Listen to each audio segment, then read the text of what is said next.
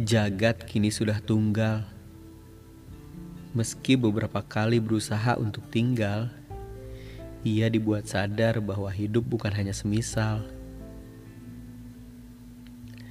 Takdir selaku kusir, membuat hidupnya tetap berjalan dan mengalir.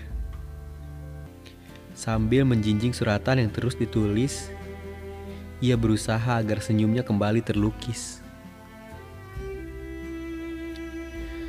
Malam lalu begitu sepi. Bahkan serangga pun tak hinggap atau sekedar menepi.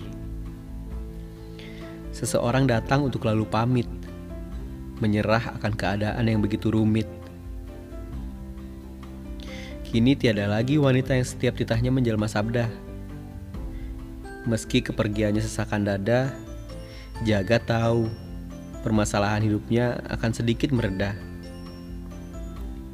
semesta sudah bukan lagi milik jagat. Semuanya berakhir begitu cepat. Sekilas yang elok, sebuah episode tanpa hari esok.